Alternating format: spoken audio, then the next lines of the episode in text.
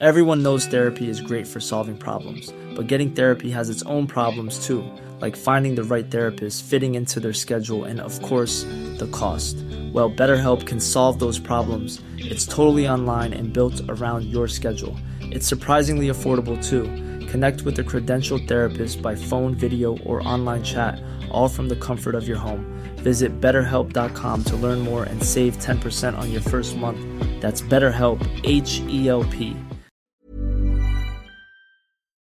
Dagens gjest er ei jeg kjenner veldig godt. Vi møttes i et bitte lite yogastudio i Rosenborggata i Oslo i 2005. Jeg husker fremdeles hvor hun sto i rommet, og hvor fascinert jeg ble av hennes rolige og grasiøse tilstedeværelse. Jeg ble rett og slett betatt.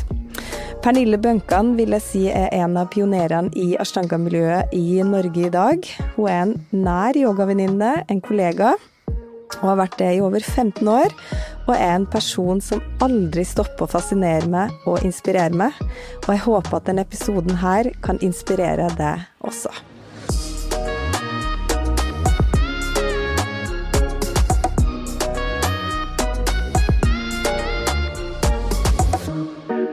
Velkommen hit, eh, Pernille. Tusen takk. Det er en ære å få lov til å være her. Kan ikke du starte med å fortelle litt hvordan du fant yogaen? Eh, hvordan startet jeg med yoga? Ja, det spørsmålet har jeg fått utrolig mange ganger. Og så syns jeg at det er litt vanskelig å svare på. Mm, fordi jeg tenker at bare sånn sett i retrospekt, så tenker jeg at når jeg begynte med yoga, så det var så mange aspekter i livet mitt da, hvor, hvor det var yoga. For det første så hadde jeg en vennegjeng som eh, drev og reiste rundt på bagpacking. Dette var jo sant, slutten av tenårene, begynnelsen av 20-årene. Mm. Så jeg var i en sånn gjeng hvor, hvor det var veldig mange som var veldig ute og reiste og gjorde yoga i Thailand og yoga i India og sånn. Eh, Det var min vennegjeng hjemme i Norge. Eh, Samtidig så bodde jeg jo og jobbet som profesjonell danser i Nederland. Så jeg kom også til yoga da gjennom mitt virke som profesjonell danser, hvor jeg kjente at, eh, at eh, oi, dette var jo en fin måte å på en måte forberede kroppen, eller eh, bruke som et supplement, da, til min jobb, rett og slett. Mm. Og, og det er litt sånn morsomt, fordi eh, jeg husker jeg var på et yogastudio da i Amsterdam, eh, som var et Ayengar-yogastudio, og de som kjenner til yoga og vet at Ayengar-yoga er ganske sånn eh, ganske strengt, da. Det er mye blokker og rep, og det liksom, ser nesten ut som en sånn derre Når du går inn i en Ayengar eh, Ayengar-rom, så er det nesten som å gå inn i et sånn torturkammer. altså det er liksom veldig jøss, hva skjer her? Eh, Men i hvert fall så skulle jeg på en sånn eh, Ayengar-klasse, det var sånn første sånn ordentlig yogaklasse, og så tenkte jeg sånn herregud, jeg har jo danset i liksom 20 år, nesten. Ja, 20, kanskje 17 da.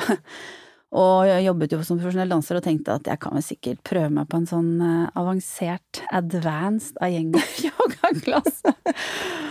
Oi, oi, oi, så var det så mange gamle damer der, ikke sant?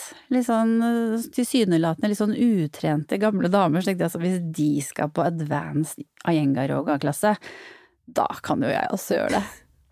Og så kom vi inn, inn i rommet, og så bare Husker du at det var sånne rep fra taket? Så sier læreren ja, da kan dere bare henge dere opp i disse repene. Og henge opp ned. og jeg bare jaha, det var jo Og så tenkte jeg ja, det skal nok gå fint. Men det gikk ikke så veldig fint. Det gikk faktisk ikke fint i det hele tatt. Hva Så skjedde? det, jo, du skulle jo henge deg liksom i whatever, fem, seks, syv minutter, og bare prøv å henge opp ned i, altså i fem minutter. Det er helt forferdelig. Så jeg fikk jo helt dunderen, mens disse her gamle, utrente damene, de så ut som sånne sovende flaggermus hele gjengen.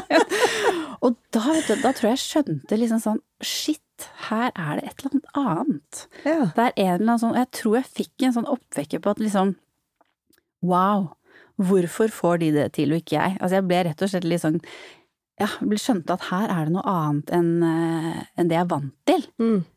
Og det tror jeg ble sånn at vekket min nysgjerrighet, at jeg måtte liksom inn i det elementet som var så hardcore, da. eh, For å liksom kjenne på den, eh, at det engasjementet ble liksom vekket. Men var det din aller første yogatime, eller hadde du vært borti yoga Ja, altså jeg, visste, Tidligere? ja, jeg hadde vel kanskje vært borte borti yoga litt sånn her og der, men det var liksom min første sånn Det er det jeg pleier å si at var min første yogatime, for det var sånn Det var der jeg sånn kjente at ok, this is something different, dette er noe annet. Mm.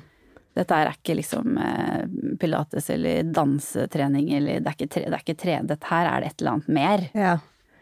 Og hva skjedde etter eh, den timen? Nei, Eller hvordan gikk timen? Altså, fullførte du? Jeg, jeg, jeg fikk jo hetta, jeg fikk jo noia, så jeg måtte jo bare bli tatt ned fra disse repene og bare jeg lå omtrent og hyperventilerte gulvet. Og hun sa liksom veldig søtt, hun læreren, at eh, maybe advanced is a little bit too much for you, it's better to sant? Begynne, begynne der du skal. Og da ble jeg litt ydmyk og ja, nei, du, du har vel rett i det. Og det skjønner jeg jo veldig godt sånn i retrospekt, da, nå som jeg på en måte underviser yoga selv, at det er sånn det er noe med å liksom bare eh, lære det litt fra grunnen av. At det kan være lurt, selv om du har gode predisposisjoner. Så, så er det jo noe jeg også har opplevd selv da, som, eh, som lærer, som jo og skulle videreføre selv. Mm. Mm. Nei, men da ble jeg interessert, da, vet du, og, og fortsatte vel å gå på yoga i Nederland eh, mens jeg jobbet der. Og så var jeg jo da hjemme i Norge eh, med disse venninnene mine. Og så, og så gikk det ikke lange tiden altså, før jeg bare var, tror jeg, en venninne av meg, Hanne Engebråten, som eh, hadde dro til India. Og så tenkte jeg at det vil jeg òg. Jeg vil også gjøre yoga inn der. Så jeg tror jeg liksom hadde holdt på kanskje et, et par år, eller ett år kanskje. Så dro jeg rett til ashram Mm. i Sør-India. Tok med meg kjæresten min og dro i ashram for å lære yoga. Men du, nå kan jo være det mange som sikkert vet hva et ashram er. Ja, ja. Men for de eh, lytterne som da Ja, eventuelt ikke vet det, hva er et ashram? Et, altså et ashram er jo det som kanskje man i, i, eh, kristendommen og katolisismen kaller for et kloster. Mm. Det er der hvor munkene og nonnene er. Det er der hvor de, de som studerer kristendom og katolisisme. Eh, Og da for yoger så er det på en måte Et ashram er jo på en måte en slags eh, ja, et slags kloster for yoger, der hvor du på en måte lever en yogisk livsstil. Med alt det det innebærer. Av liksom både, ikke sant, eh, står opp tidlig og mediterer.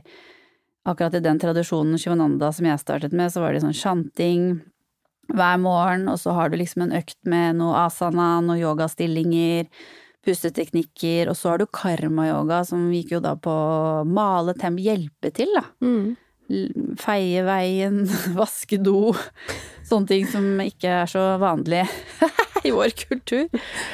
Så du er egentlig, i et ashram så er du egentlig i gang fra du står opp til du legger deg.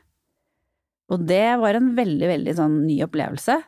Jeg behøvde ikke å finne på noe å gjøre, for det var bare sånn, alt var liksom forutbestemt. Du står opp klokken halv fem, du sitter og mediterer, du synger, du spiser, du rydder, du har noen filosofiklasser, du gjør asana, gjør pranayama, ikke sant, alt, og så går du og legger deg. Sånn var det da, et par måneder, og jeg må jo si det at når jeg kom ut fra det ashrammet da, jeg og kjæresten min, da var vi jo, ja, jeg har aldri vært så rolig i hele mitt liv. Det var sånn, fy fader, liksom. Altså, her står jeg, har det så bra. Jeg står på en sånn jordvei med en sekk på ryggen, og har det bare helt fantastisk. Og det har ingenting å si hva som kommer til å skje videre. Og det også er en sånn, en sånn følelse som jeg tror altså har hatt med meg hele tiden, og den følelsen, da, eh, er noe som på en måte jeg tror jeg liksom gjerne vil liksom vende tilbake til. Mm. Så begynte liksom den ordentlige yogareisen, for da skal du måtte prøve å ta med dette her klosterlivet inn i i hverdagen. Og så skal du få barn, og så skal de på skolen, og så er det, ja, du vet. Ja. Men den følelsen av eh, etter to måneder eh, i ashram, den, eh, den var ganske spesiell. Mm. Da følte jeg meg meget balansert, Altså. Da var det rolig. Hvor lenge klarte du å holde på Nei, det- balansen? Det, det varte vel kanskje et par dager, der. Så var det, satt vi på toget til Goa. Nei da, det varte jo lite grann den, altså. Men altså, det er klart at eh, det blir jo Det er ikke så vanskelig Mm. å finne ro, men det, det er jo veldig fint at man kan dra sånne steder for å kunne oppleve den roen, for det gjør jo på en måte at du får en dimensjon som du ønsker kanskje å i hvert fall få lite grann inn av i livet ditt, da. Og det kjenner jo du også, Vibeke, fra Mm. liksom det å dra til Mysore hvor du pleier å reise. Liksom den tilstanden, eller den følelsen at det er noe du da vil på en måte ha med deg, og kanskje liksom, ja, også tilrettelegge litt i livet for å kanskje få litt mer av den, da. Mm. Ja, og det Hver gang jeg reiser fra Mysore etter da en periode der med den tilstanden som du snakker om, så tenker jeg alltid at åh, nå skal jeg det her, Der skal jeg leve videre når jeg kommer hjem. Ja. Jeg syns jo det er like utfordrende um, hver gang, og det er liksom u... Altså Noen ganger så klarer jeg å holde på det noen uker eller noen måneder, så, men av og til så er jo den følelsen borte. Men det er jo den, den erfaringa som setter seg i kroppen, Ja. som jeg prøver å hente frem stadig vekk, da. For Ja. å på en måte også prøve å finne i hverdagen og i livet, som du sier. ja. Men, men når du da mm, Kom bare, nå kom jeg bare på noe veldig Ja. morsomt, fordi altså, ok, det hører jo med historien at vi var liksom 21-22, altså vi var jo unge. Men når vi kom hjem fra ashramet, så, så gikk vi jo bare rundt i sånne tradisjonelle indiske klær. På rød. Så vi hadde sånn, jeg hadde sånn derre eh, punjabi, sånn sånn kjole, indisk kjole og sånne indiske bukser. Og vi sto opp klokken fem, og vi sjanta disse her mantraene som vi hadde lært, og gikk rundt liksom i gatene og sånn.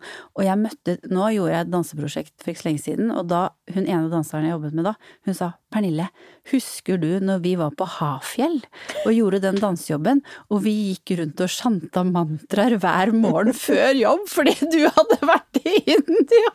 Og jeg bare, da måtte jeg le, det hadde jeg selvfølgelig glemt, men det er jo kjempegøy. Så jeg prøvde jo liksom å holde på de ritualene, da, og, det, og var jo veldig så ville så gjerne liksom Åh, en smule påvirka. det var kjempegøy å tenke på. Vi hopper på Hafjell, liksom. Men, men eh, eh, hva skjedde når du kom hjem igjen? Altså, det var jo dans som var livet ditt, men Ja, ikke sant. Yoga? Nei, altså da tror jeg liksom, når jeg kommer fra den turen der, så, så var jeg nok sikker på at jeg vil prøve å få liksom, mer yoga.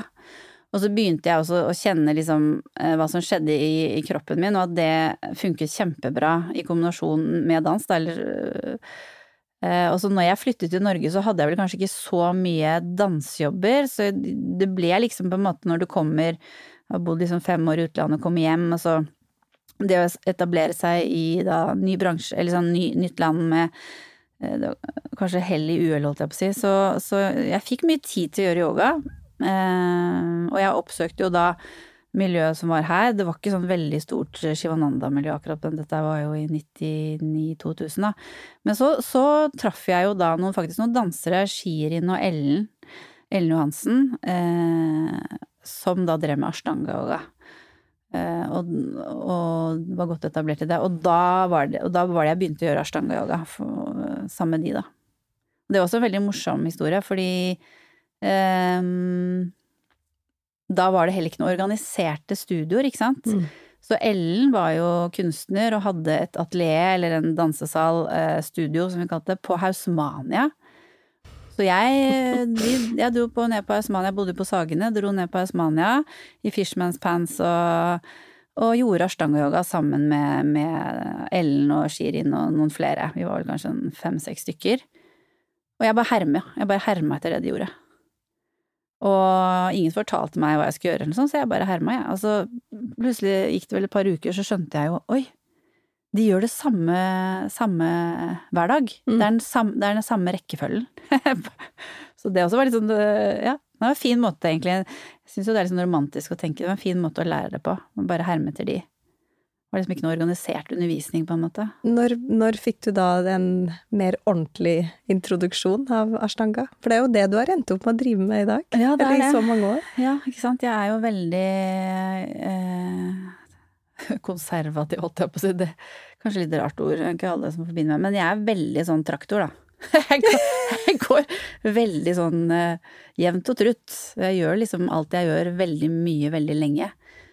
En stayer? Ja, en skikkelig stayer, ass. Mm. Kanskje litt for uh, Jeg blir litt sånn siderumpa òg. men ehm, Nei, og så møtte jeg jo, så var det vel da jeg kom inn i det ashtanga, lille, bitte, bitte, bitte lille ashtanga-miljøet som var i Norge, så traff jeg også på et Anders Lien, som også som hadde undervisning, og han hadde vært, da vært i Mysore, som var liksom ashtanga-yogaens vugge, da, og fått en sånn autorisering av eh, han guruen der, da. Eh, Så han slo seg vel sammen med Ellen og, og, og Shirin, og noen år senere så startet jo de det som da het AYO, som liksom var det første Ashtanga-studiet i Norge. Eh, Så jeg var liksom tilknyttet de, og ja, gikk da på klasser til han Anders Lien oppe på Trafohuset på Tøyen. Var liksom første stedet. Og så slo de seg ned i eh, leide lokaler hos Norske Balletthøgskole i Borggata. Og så senere så splittet vi lag, og så flyttet jo Ellen til Sørliggata.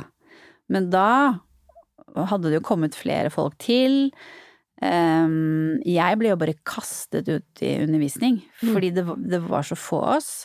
Anders sier at fikk han plutselig henvendelse fra SATS, Elexia, ikke sant, trening, som også ville ha yoga, og så sier han bare Pernille, jeg klarer ikke å ta alle disse timene, kan ikke du ta noen? Å herregud, altså jeg var helt sånn, er du gal? For da, jeg hadde jo vært i India, jeg hadde jo liksom vært på forelesninger om hva yoga var, og skjønte at dette her er veldig stort, dette her er jo eh, dette her er jo om livet, om veldig eksistensielle ting. Så jeg skjønte at jeg kan ingenting. Og når han da spurte om jeg kunne begynne å undervise yoga, så hadde jeg veldig sånn Nei, det, det syns jeg var en Det synes jeg var litt tidlig. Men så sa han altså, du kan mer enn de andre som bor her. Vi trenger din hjelp, og du har litt erfaring fra dans. Så du har liksom vært i kroppen din noen år. Så tenkte jeg ok, greit, eh, jeg kan godt prøve å ha noen klasser. Så begynte jeg å undervise. På SATS var vel de første timene mine da. Så du hadde jo aldri noen drøm om å bli yogalærer? Nei, nei, nei, nei. nei. Jeg, jeg tenkte ikke noe på det i det hele tatt. Det bare liksom ble sånn, på en måte. Uh, ja. Men det, ja. Sånn Men- ble det. Men nå Jeg antar jo at du prøvde en del ting da før du havna i ashtanga. Altså at du at liksom, Hva var det som gjorde til at ashtanga ble din yogaform? For jeg får jo veldig ofte spørsmål om jeg har så lyst til å begynne med yoga, men, men hvilken form skal jeg velge? Ja. Og da pleier jeg å si at da må du teste alle mulighetene som er, ja. og så må du kjenne selv hva som på en måte tiltaler deg, hva som føles riktig, fordi jeg kan jo ikke fortelle andre folk hva de skal gjøre, eller hvilken form. Så hva var det som gjorde at liksom ashtanga ble din Da tenker jeg at det handler jo veldig mye om tiden jeg begynte med yoga, tror jeg. Sånn som i dag er det jo en jungel. Altså det er jo helt, jeg hadde jo sikkert aldri klart å finne frem til noen ting. Um, så jeg tenker at det, det, det tipset du gir er veldig godt. Men akkurat der og da, som jeg sa, at jeg begynte jo med shivananda-yoga. Men, Men- det var ikke, ja, som sagt, altså var det ikke jeg, jeg vet at det var noe ettertid, så vet jeg at det fantes, men det, jeg fant liksom ikke noen når jeg kom hjem til Norge uh, som holdt på med det, men jeg fant da Ellen og Shirin som holdt på med ashtanga-yoga. Mm. Og for, sikkert fordi at jeg kom fra dans og var ganske vant til å bevege meg mye, så, så passet det godt. Og jeg syns også det hadde den dybden som jeg jeg, jeg fikk liksom den kontakten, den følelsen av det indre, den indre roen, da, som jeg også uh, møtte i Shivananda-yogaen. Så, så jeg tror det egentlig var litt sånn tilfeldig at det ble ashtanga-yoga Ja, den gangen. den gangen, Mm. for det var litt det som var. Men for de som ikke vet hva ashtanga-yoga er, da, kan du si kort om det, sånn at man liksom skjønner hva det er med den formen som gjør til at du Ja, altså nå vet ikke jeg så mye om alle de andre formene, så det er jo litt sånn vanskelig å Jeg tenker jo sånn Du kommer sikkert til å ha noen gjester her som kommer til å kunne snakke mer om det, jeg, for jeg, det er jo litt sånn at man Mm. kan jo egentlig ikke det man ikke har gjort selv. Men det jeg kan si om ashtanga-yoga, det jeg liker veldig godt med ashtanga-yoga, er at det er en innoverrettet praksis. Mm. At det er, til tross for at det kan se veldig eh, fysisk ut, og veldig At du gjør veldig mye, for det er, du gjør mye stillinger, du gjør mye rart. Spektakulært. Ja, ja, spektakulært. Stå på hendene, stå på hodet, beina bak hodet, står i broer som går trill rundt. Så det ser jo veldig Så er jo på en måte allikevel fokus, altså god tradisjonell ashtanga, så er fokus, det er en innoverrettet praksis hvor pusten er liksom hovedfokus. Ikke sant? Mm. Og så kommer liksom, sånn som han guruen sa da, som jeg liker veldig godt, han sier liksom eh, It's a breathing practice, ikke sant? Det er en pustepraksis. The rest is not so important. Resten er ikke så viktig. Og jeg tenker jo litt sånn, da, at, eh, at det er det inn, den in, Altså, i yoga så er det jo på en måte det, Yoga handler jo om, kanskje hun definerer yoga også, men yoga handler jo litt om å på en måte bli kjent med seg selv. Det handler jo egentlig om en, en, en union, ikke sant, at du skal kjenne at du er ett med alt. Og det er litt sånn høytsvevende. Sikkert mange som tenker ok. Men det som jeg syns skjer i, på den reisen, altså avdekningen, at da må du på en måte finne ut hva er det som separerer meg fra, fra det. Det, liksom, hvorfor kjenner jeg på separasjon? Er det, Hvor er det jeg kjenner på separasjon? Og så få avdekket det. Det er jo det en yogapraksis for meg handler veldig mye om, da. Hvorfor er jeg så redd i møte med de, eller hvorfor jeg blir jeg så ukomfortabel her, ikke sant. Og om det er i kroppen, eller om det er med andre mennesker, mine omgivelser, samfunnet, ikke sant. Så øh, da tenker jeg at en god yogapraksis er da et møte med deg selv hvor du retter oppmerksomheten innover, og prøver å avdekke liksom den du er, da, og egoet ditt, liksom. Hvem er du, ikke sant, basert på hvor du kommer fra.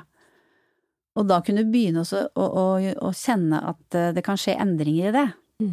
Så det blir en sånn indre transformasjon, da, som gjør at du kanskje har det litt bedre i livet, som gjør kanskje at du blir et litt mer forståelsesfullt, forhåpentligvis, mm. eh, både i forhold til deg selv, først og fremst, men også da i møte med andre. Mm.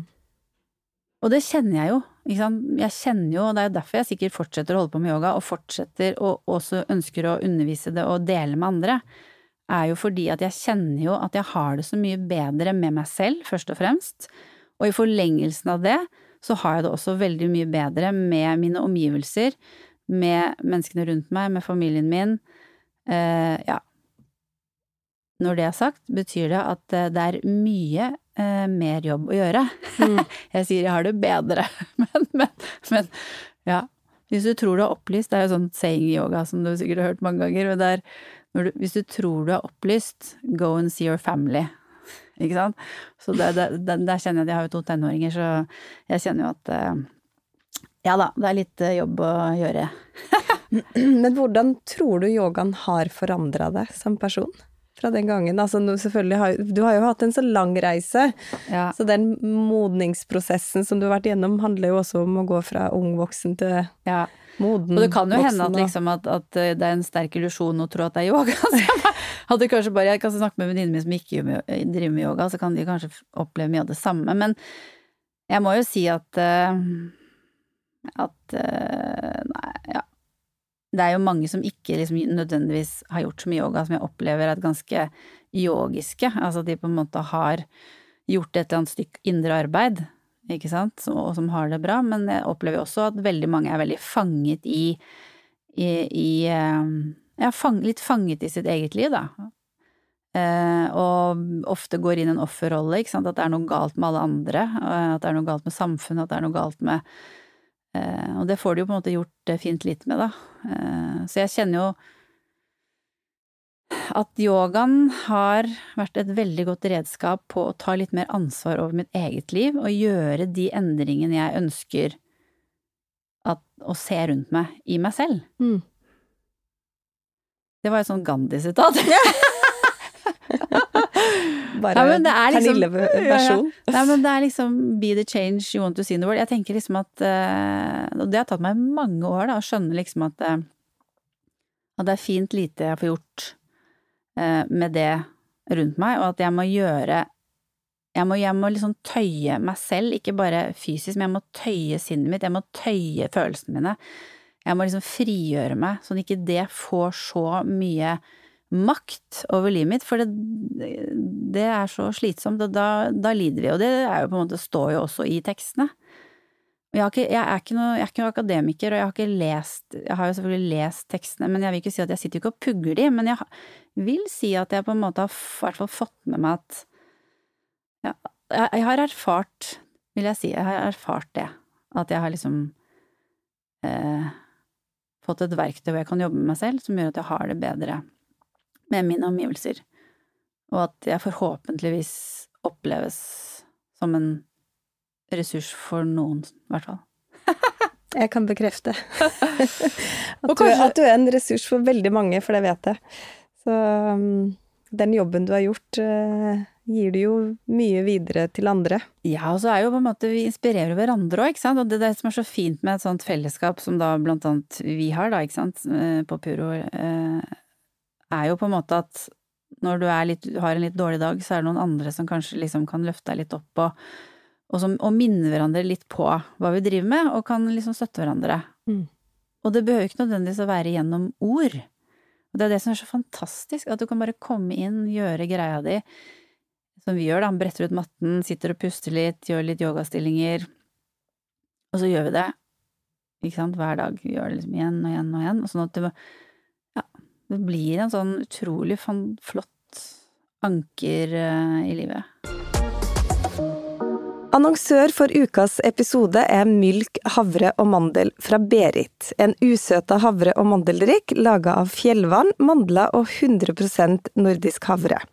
Mylken er laktosefri og et plantebasert alternativ til melk.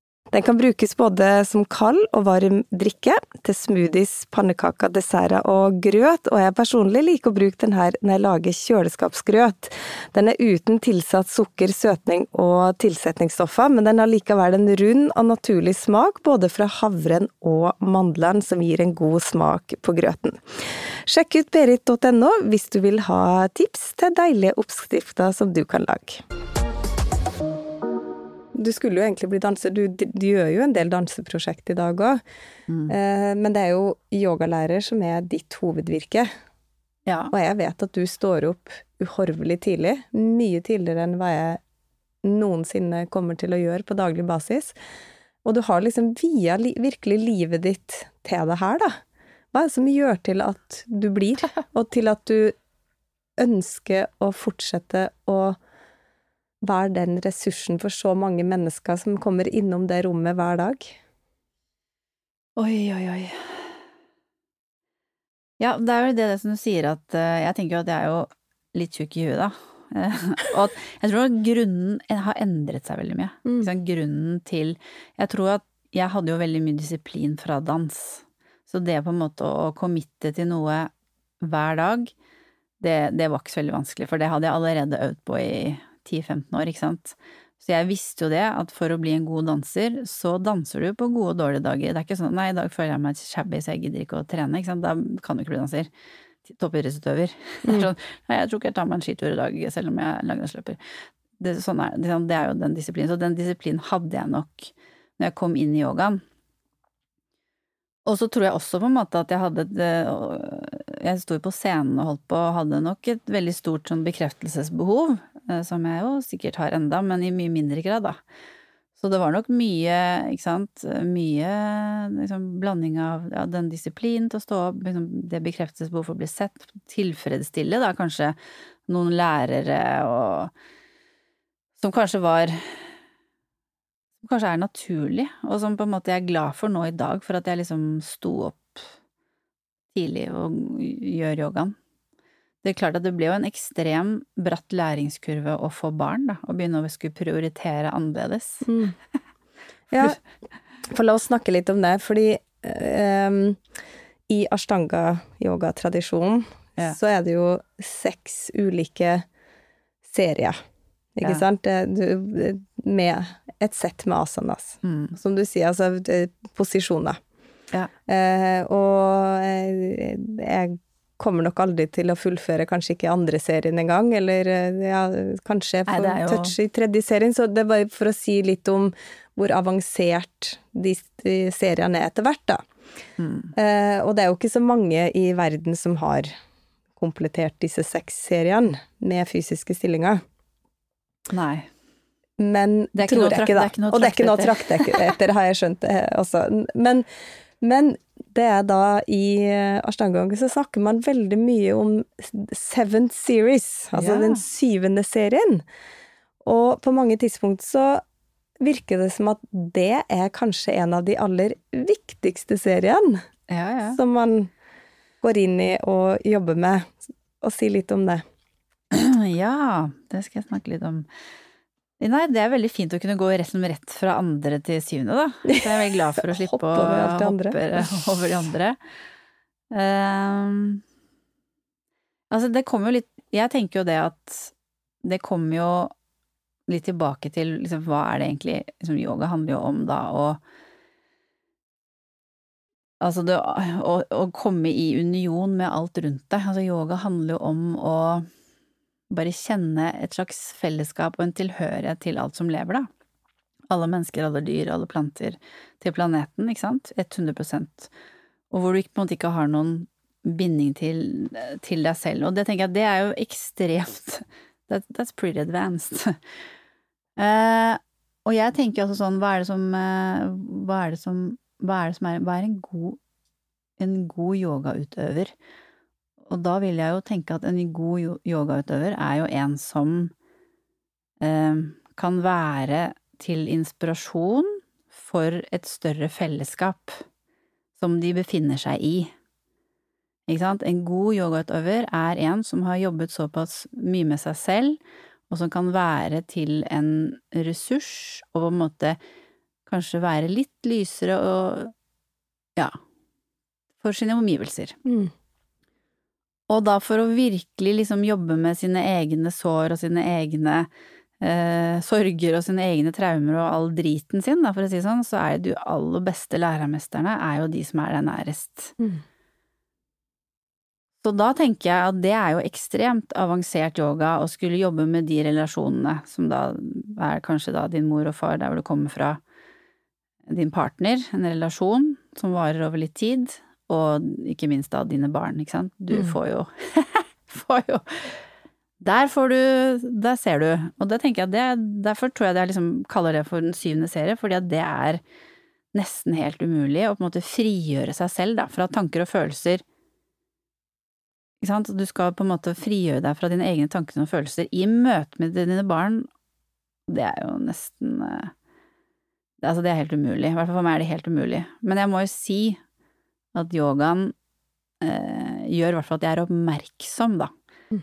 på hvor jeg sitter fast i møtet med, med mine barn, ikke sant, og hvor, hvor vanskelig det er å på en måte slippe barna sine fri og ha tillit, ikke sant. Man vil jo bare gå rundt og være sånn hønemor, passe på det hele tiden og ikke sant, og bli, og bli kjempesåra hvis de på en måte sier deg imot og Ikke sant, så det er jo ja, syvende serie. Mm.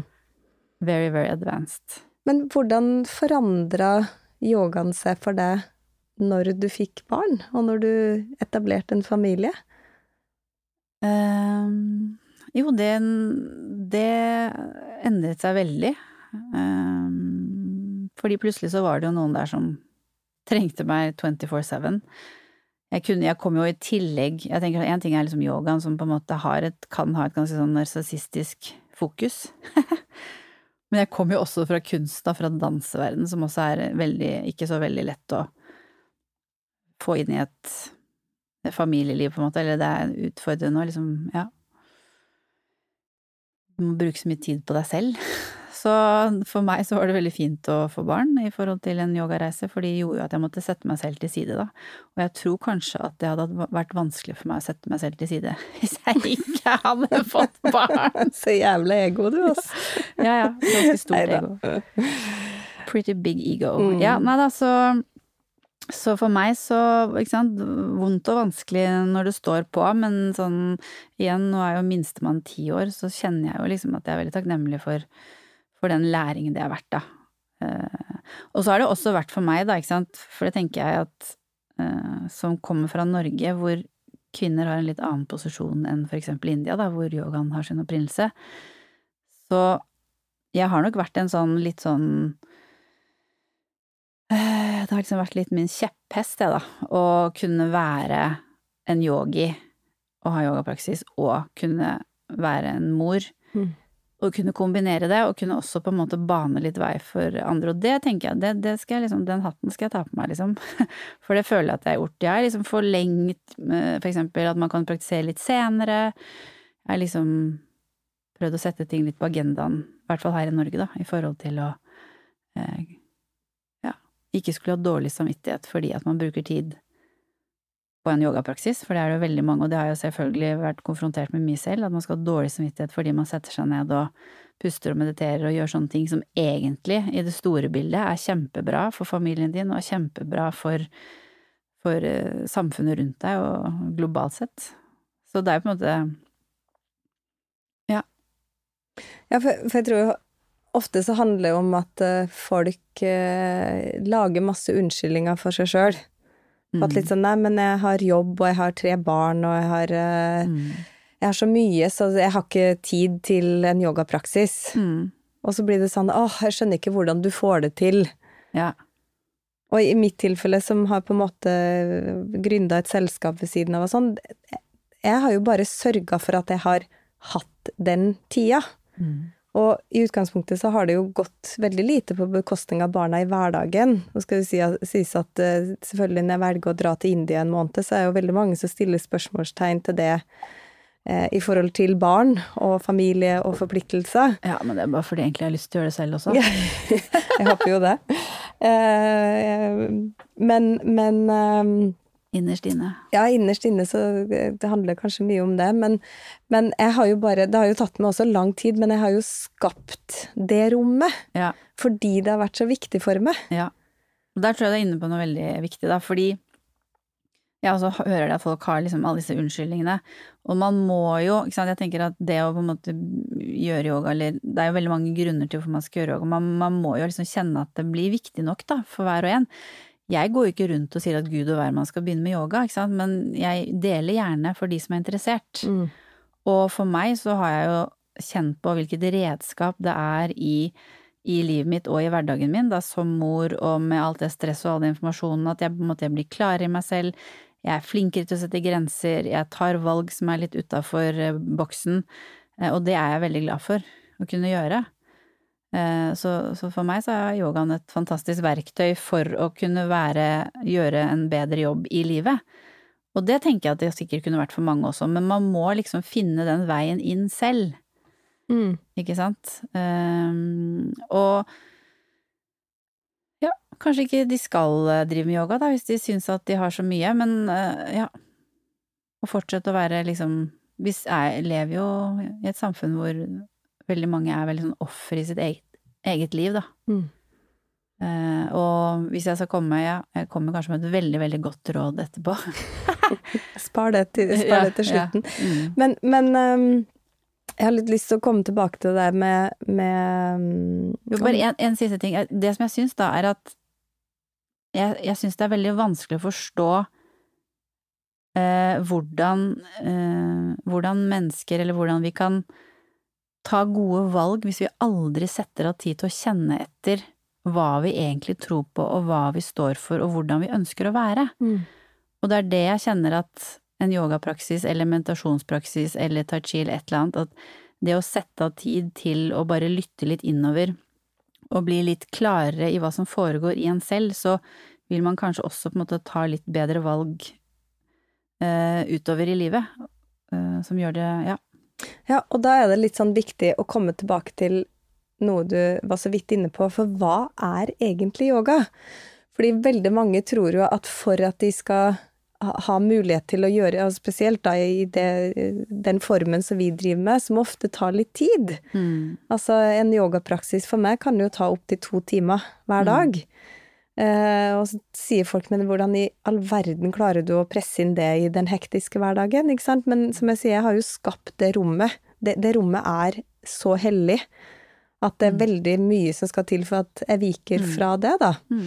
Men, men eh, Og så er jo da mange som spør meg, men, men kan jeg gjøre noe annet? Eller kan jeg gjøre litt? Eller liksom Og Ja. da, kan, da, da føler jeg ofte at det er liksom Da kommer vi litt til kjernen på liksom hva er yoga? Ja. Eh, fordi at yoga kan jo også være en meditasjonspraksis. Mm. Yoga kan være å gjøre to solhilsener på morgenen. Mm. Bare sette seg ned og strekke litt.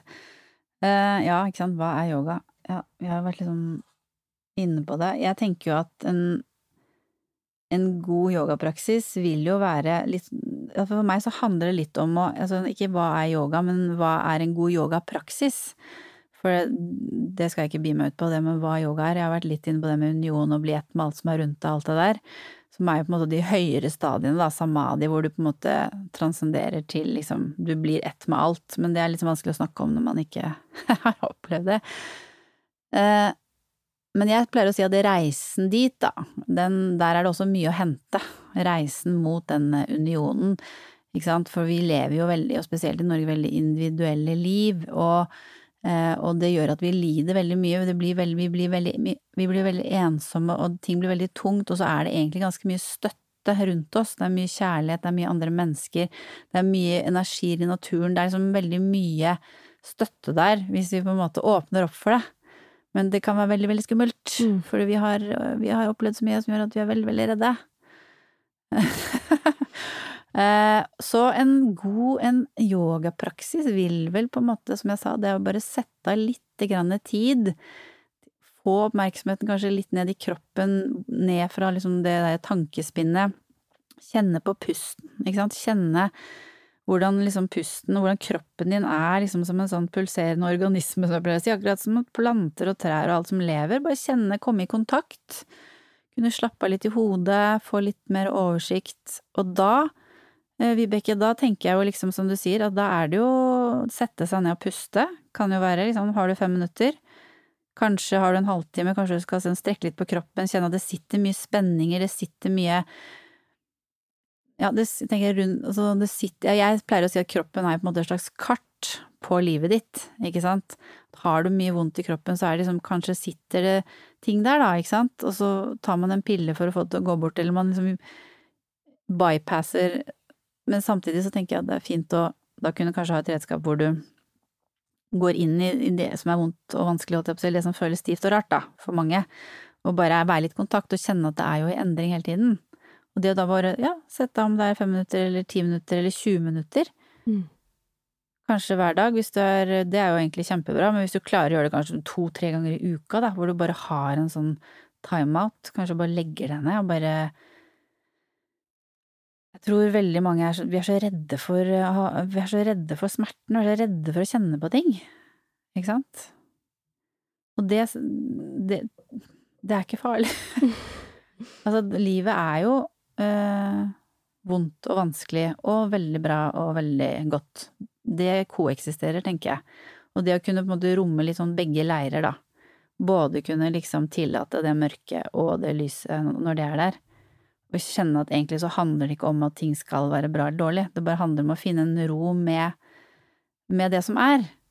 Mm. At ok, greit, jeg, herregud, hvor mange ganger har ikke jeg kommet og tenkt at jeg har følt som at jeg er 95 og har bare vondt overalt. Og da det, tenker jeg, ok, da er min oppgave å bare Ok, da er det sånn her i dag, da får vi prøve å se om vi klarer å romme det. Klarer jeg å respektere det, klarer jeg å anerkjenne det, klarer jeg liksom å la det få lov til å være sånn? Noen ganger så er svaret nei, det klarer jeg ikke. Men da vet jeg i hvert fall det. Nei, det klarer jeg ikke. Nå går jeg og får en massasje. ja, og hvordan reagerer du da? Da har jeg i hvert fall fått tatt en sjekk-in. Ja. Nei, altså jeg tenker Det har jeg også begynt å liksom gi litt kjærlighet, da. Mm. Det er jo det som er så fint med å ha en sånn prosess hvor du lytter. Ok, du kjenner at ting er vondt og vanskelig, du klarer ikke å akseptere det i dag, og så aksepterer jeg at jeg ikke aksepterer det. Mm. Og da er det en aksept. Mm. Fader, altså. Og så er det noe med det, og da kjenner jeg også det, Jeg ler, da, for det er det jeg føler når jeg kjenner at jeg er Hvis jeg blir veldig sinna, for det hender jo at jeg er mye sinna på barn, eller jeg blir veldig urasjonell og veldig teit. Sånn så, så ler jeg av det. Jeg klarer liksom å bare se at liksom, å gud, nå er jeg veldig sint, og så kjenner jeg at det får ikke så mye makt over meg, da. De følelsene mine og tankene mine, de får ikke så mye makt over meg som de hadde før. Mm. Jeg blir ikke sinnet mitt, liksom, jeg blir ikke vondtene mine. Jeg bare kjenner at oi, akkurat nå så opplever jeg visst at jeg er litt sinna og at jeg har litt vondt. Og så vet jeg av erfaring at det er jo bare forbipasserende, det er ikke noe vits å liksom gi det for mye oppmerksomhet og makt. Og det tenker du at du kan takke yogaen for? Ja ja, er du gæren? Ja ja. Det gjør jeg faktisk. Mm. Ja, for det, det, er jo alle disse teknikkene, da, som har gjort at jeg har måttet rette oppmerksomheten innover. Selvfølgelig, det er, jeg, måte, det er jo jeg som har gjort jobben. Men takket være alle disse teknikkene, ikke sant, når du skal støtte deg ned, skal du gjøre sånn, så skal du lytte, og så skal du høre på pusten, og så skal du Det er jo det som på en måte har brakt meg til det, det indre møtet. Mm. Og noen gode lærere som selvfølgelig speiler deg og stiller deg litt spørsmål og ikke sant, altså sånn. Men er det Ja ja, det, det er det. Mm. Det hadde jo aldri skjedd hvis jeg ikke hadde hengt opp ned i den der yogasalen i Amsterdam. Og fått prøvd hele og tenkt at dette her må jeg finne ut av. Prøv, prøv, prøvd å være en eh, sovende flaggermus. Men um, nå sporer jeg helt av. Nå hadde jeg egentlig et godt uh, Tenkte jeg bare på flaggermus. Du er jo veldig glad i dyr, da, i yogaverdenen. Det er mye dyrenavn. Alle stillingene, eller det er veldig mange stillinger, er jo etter dyr. Ja, ja. Ja, så jeg sa at nå legger du deg inn i skilpadda. ja, ja. Og så nei, da går vi inn i sovende skilpadde. ja, ja. Inn i skallet med deg. Ja. inn, i- Men um, eh, jo, Det det var jo veldig gøy, ikke sant. Det er viktig å få frem det. For liksom, yogaen er blitt så seriøs, så det er viktig å ha det litt gøy, da. Ja, altså, det er så, det er så mange ting å, å si, for det, det er jo noe som gjør til at jeg Altså, jeg er jo en veldig sånn fysisk person. Jeg har drevet masse med idrett og, og trening, og, og det er jo noe at fremdeles, den dag i dag, er noe av liksom gleden ved å gjøre ashtanga-yoga, da, for min del òg, er jo de tingene som jeg kan øve på, og som jeg kan få til. Ja. Og det er jo litt sånn jeg fortalte noen her for ikke så lenge siden som ikke gjør yoga, da, om at jeg har jobba med samme stilling i fem år. Ja. I fem år! Ja, er- Jeg får det fremdeles ikke til. Nei, nei. Og så er det sånn, hei, men har du ikke gitt opp for lengst? Er ikke det kjedelig, da? Du kan ikke bare gå til noe annet. mm. Nei. Da, og, og veldig mye av akkurat den stillinga handler jo om frykt. Altså, jeg har masse frykt. Mm. Så jeg driver jo og møter frykten min. Ja. Men, og, Men det er det, ikke sant. Jeg tror liksom Tenker ikke du da at egentlig da, så er det jo ikke Det er jo ikke stillingen i seg selv du egentlig ønsker å møte. Det er jo på en måte det stykket arbeidet som oppstår på innsiden i møte med den stillingen. Ja. Ikke sant? Og det er jo derfor og det, Yoga handler jo mye om prosesser, og når folk sier ja, men gir du ikke opp da? Nei, for det er egentlig ikke målet som er målet. Det er liksom det møtet. ja, for det som ofte skjer, når jeg da får til den stillinga jeg jobba med lenge, Mhm. Så er det jo ikke så spennende likevel. Da, da var det jo bare én av hvilken som helst stilling. Ja. Så det er jo akkurat det du sier som er liksom spot on på hva, Hvorfor har jeg så frykt for akkurat det jeg skal gjøre her?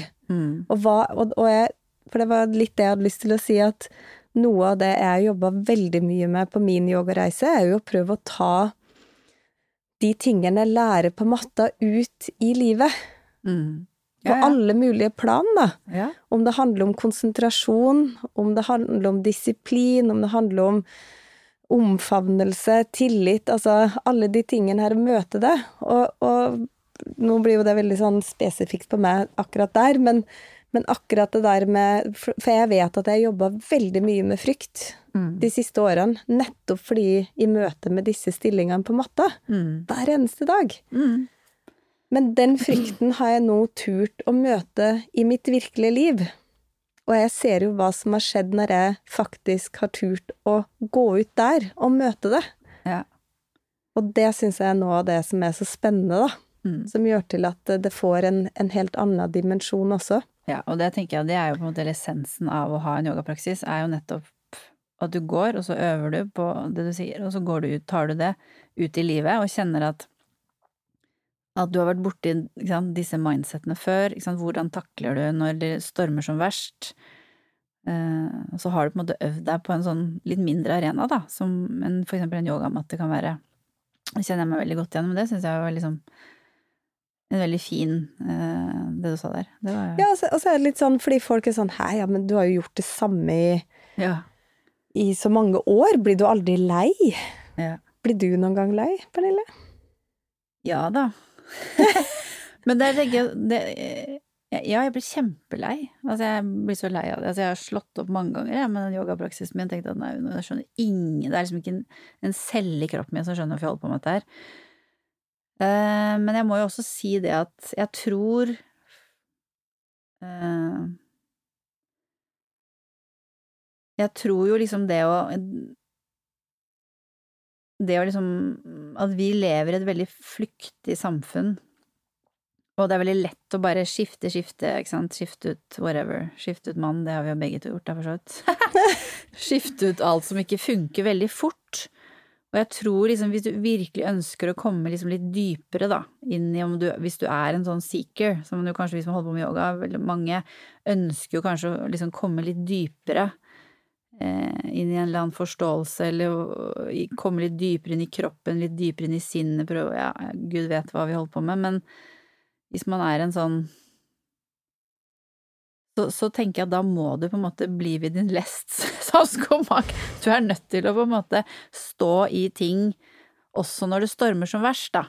Og det er jo et sånt sitat som en av, en av de yogalærerne som jeg er veldig glad i, da, Richard Freeman, i den tradisjonen vi holder på med, han sier jo det, ikke sant, når du virkelig liksom bare har lyst til å løpe ut av yogarommet, og du er så fly forbanna på en eller annen lærer eller et eller annet, sånn, det er, da skal du bli, ikke sant? Mm. Det er akkurat det du sier, for det handler jo, da møter du et eller annet aspekt i deg som på en måte er veldig stagnert eller veldig låst, og så holder det på å briste, og det er selvfølgelig helt forferdelig skummelt og kjipt.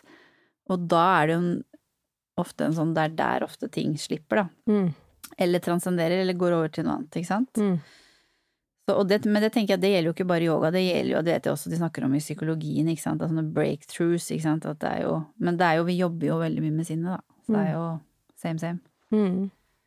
Men, men jeg har bare lyst til å Fordi som jeg sier, det kan jo være mange her som Eller forhåpentligvis mange som lytter, som ikke Kanskje ikke har prøvd yoga, eller som kanskje har bare tilfeldigvis prøvd litt yoga, og det er jo sånn Hvor skal man starte? Altså, hva, hva liksom Hvor kan man oppsøke, og liksom Hvor kan- kan reisen starte? Ja, den kan starte akkurat her og nå. Det er liksom i en av disse klassiske yogabøkene, Yoga Sutra, så er jo første verset er jo atta yoga noshasanam, ikke sant? Og det betyr jo nå yoga. Mm. Det syns jeg er så fint, Mm. for det er sånn nå, ikke sant? Du trenger ikke å vente til ja, ba, jeg skal bare høre litt sånn, jeg skal bare, jeg skal bare begynne å trene litt først, eller jeg skal bare gå ned i vekt, eller sånn alle mulige slags sånne ra... Jeg bare what? Du kan begynne med yoga nå, ikke Ja. sant? Nå kan du begynne med yoga. Og hva skal man gjøre da? Da tenker jeg at da har du bestemt deg. jeg har lyst til å begynne med yoga, og så kan du jo da på en måte finne Vi sier jo også sånn at yoga kommer litt til deg. Altså sånn bare er det et yogastudio i nærheten, er det noen lærere Jeg tenker du finner det du skal, ikke sant. Og noen gjør jo Nå er det jo YouTube alt det, folk setter seg ned og får noen instruksjoner, ikke sant. Puste litt. Det er jo bare å sette seg ned og så kjenne litt etter hva det er som foregår. Puste lite grann. Altså, man finner, eh, man finner yoga hvis man vil. Mm. I hvert fall i dag. Det er kjempe Og så kjenner man at det kanskje ikke er, kanskje ikke er helt det jeg hadde tenkt, så kan man jo på en måte la veien gå videre, ikke sant. Så ja, men nå kjenner jeg at nå skal jeg hit, og nå skal jeg dit, og Så jeg kjenner i hvert fall selv da at jeg har ikke sant, at det er jo læ forskjellige lærere som har kommet og gått, og så ikke sant, er det noen andre man føler seg mer Det er jo noe med å kjenne hvor er det det resonnerer, hvor er det jeg kjenner at jeg kan slappe litt av og tørre å gjøre ting som er litt skummelt, ikke sant. Og tørre også å si nei, men det klarer jeg ikke å gjøre her. Jeg, jeg, kjenner at jeg klarer ikke å gjøre det her, eh, kanskje jeg skal gå der. Mm. Kanskje jeg heller skal gå til det studio. Ikke sant, men ja, det er veldig fint, som jeg sier, at jeg, det er veldig, man kan, det er mange som ikke har tilgang til noen yogalærer, og jeg tenker at det er kjempefint å liksom øh, kunne bruke internettet. Men på et eller annet tidspunkt så tenker jeg at det er veldig, veldig fint å gå til en, en, en som kan det live, da. Mm. For det er vanskelig å få tilbakemelding fra, fra YouTube. Det er veldig mange som kommer og gjør sånn helt halsbrekkende øvelser. Bare hei, hei, hei, det der er jo kanskje litt too much. Hvor har du lært det? Ja. Det handler jo liksom om å komme i kontakt, Mm. og et ønske om å komme i kontakt. Mm. Så jeg har du et ønske om å komme i kontakt med deg selv, roe deg litt ned, få litt kontakt med pust, da er, liksom, da er du klar for yoga. Veldig mange tror at det handler om Folk sier jo sånn Å, jeg er altfor alt for stiv. Mm.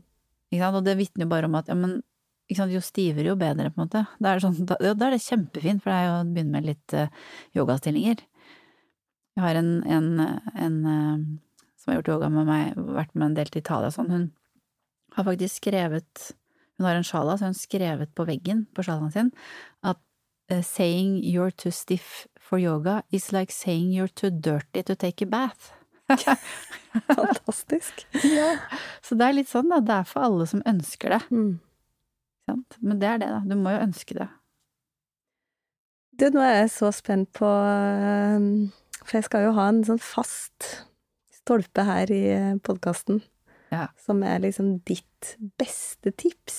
Og Altså, jeg er kjempenysgjerrig på det. Jeg, skal, jeg, jeg sitter med boka klar nå, for jeg skal Ja, ja. notere, jeg skal ha det med meg videre. Ja, jeg tror du på en måte har eh, benytter deg godt av det tipset allerede.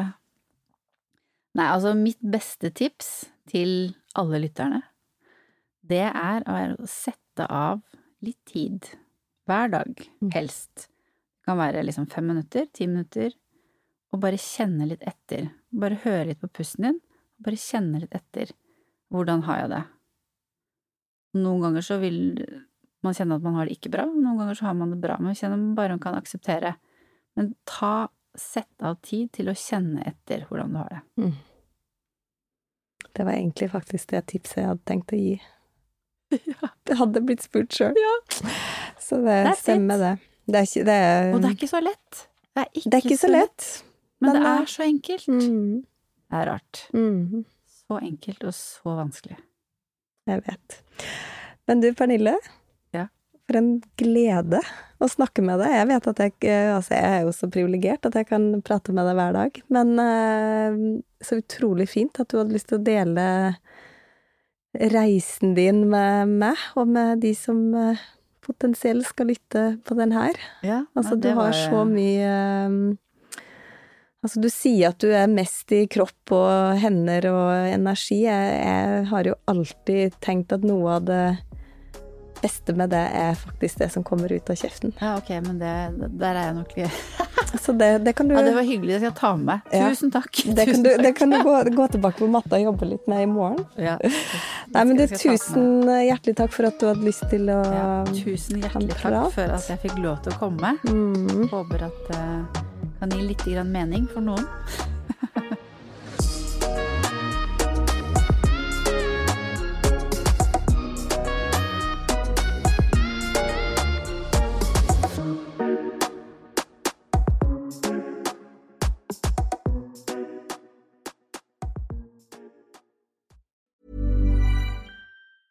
Ever catch yourself eating the same flavorless dinner three days in a row? Dreaming of something better? Well, HelloFresh is your guilt-free dream come true, baby. It's me, Kiki Palmer. Let's wake up those taste buds with hot, juicy pecan-crusted chicken or garlic butter shrimp scampi. Mm. Hello Fresh. Stop dreaming of all the delicious possibilities and dig in at HelloFresh.com. Let's get this dinner party started.